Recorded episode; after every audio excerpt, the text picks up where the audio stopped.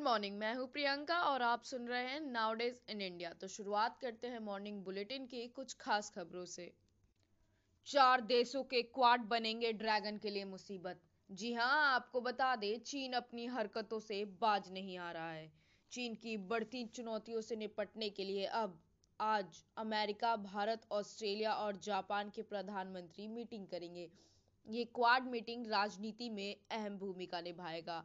Quad शिखर वार्ता Covid महामारी के बाद होने वाली पहली वार्ता है। ये मीटिंग इसलिए भी खास होगी क्योंकि इसमें भारत की आर्थिक स्थिति और रक्षा संबंधी मुद्दों पर बात होनी है। बताया जा रहा था, कई चुनौतियों के बावजूद भी अमेरिका के राष्ट्रपति जो बाइडेन ने प्रधानमंत्री नरेंद्र मोदी को निमंत्रण दिया था। सूत्रों के मुताबिक पता चला है, बीते दिन प्रधानमंत्री ने भारत संबंधी मुद्दों पर कमला हैरिस से चर्चा की और उन्हें भारत आने का निमंत्रण दिया। बीजेपी के नेतृत्व में भ्रष्टाचार हुआ चरम पर, आरजेडी का कहना। जी हाँ, आपको बता दें, बिहार की राजनीति एक बार फिर से गर्म हो गई है। जब आरजेडी के नेता तेजस्वी यादव ने भ्रष्टाचार को लेकर नीतीश जी को घेरा उन्होंने साफ़ लफ्जों में कहा, मौजूदा सरकार में सिर्फ़ जनता और गरीब के अधिकार को लूटने का काम हो रहा है। कटिहार ज़िले के प्रत्याशी रहे तरकिशोर के परिवार को तिरपन करोड़ रुपए का कॉन्ट्रैक्ट देने की बात हुई थी। इस मामले में पूरी तरह से भ्रष्टाचार हुआ। लिहाजा उन्होंने नीतीश को इस मामले में पुष्टि करने के लिए आमंत्रित किया। केरल के मुख्यमंत्री का बयान, लव जिहाद और नारकोटिक्स जिहाद जैसे केसेस नहीं है केरल में। जी हाँ लव जिहाद, धर्मांतरण और नारकोटिक जिहाद जैसे मामलों पर अब तक सिर्फ़ यूपी और एमपी ही विवादों में रहा है।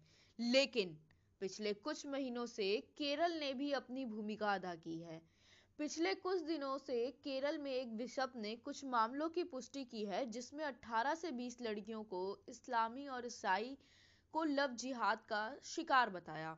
उन्होंने ये भी कहा, अगर किसी को ऐसा लगता है कि केरल में लव जिहाद नहीं है तो वो वास्तविकता से अपनी आँखें मोड़ रहे हैं।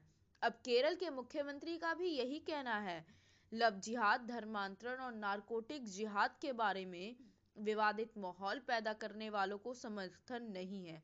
उन्होंने कहा, राज्य में ईसाई धर्म से इस्लाम या इस्लाम से ईसाई धर्म का जबरन धर्मांतरण नहीं हो रहा है।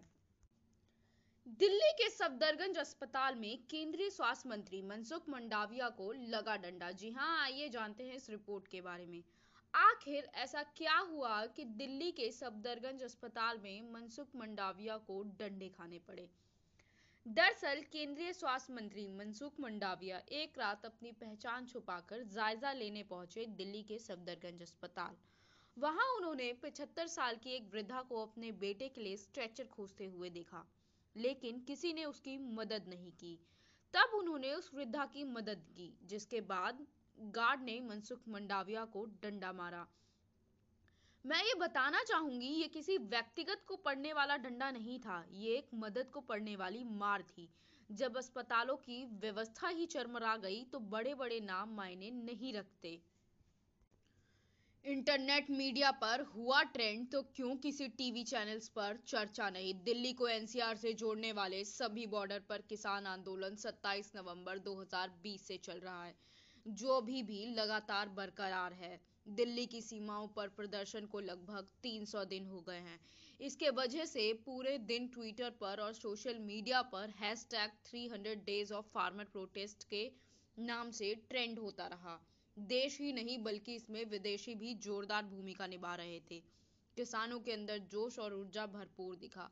उनका यही कहना है we don't surrender we win और वी डाई मतलब वो मर सकते हैं, वो जीत सकते हैं, लेकिन वो सरकार के आगे झुक नहीं सकते। हेरोइन तस्करी के मामले में जाँच हो सुप्रीम कोर्ट की निगरानी में कांग्रेस की मांग। जी हाँ, गुजरात के मुंद्रा पोर्ट पर इक्कीस हज़ार करोड़ की हेरोइन को जब्त किया गया। इस मामले की जाँच सुप्रीम कोर्ट के तहत हो, इस बात की मांग कांग्रेस ने की है।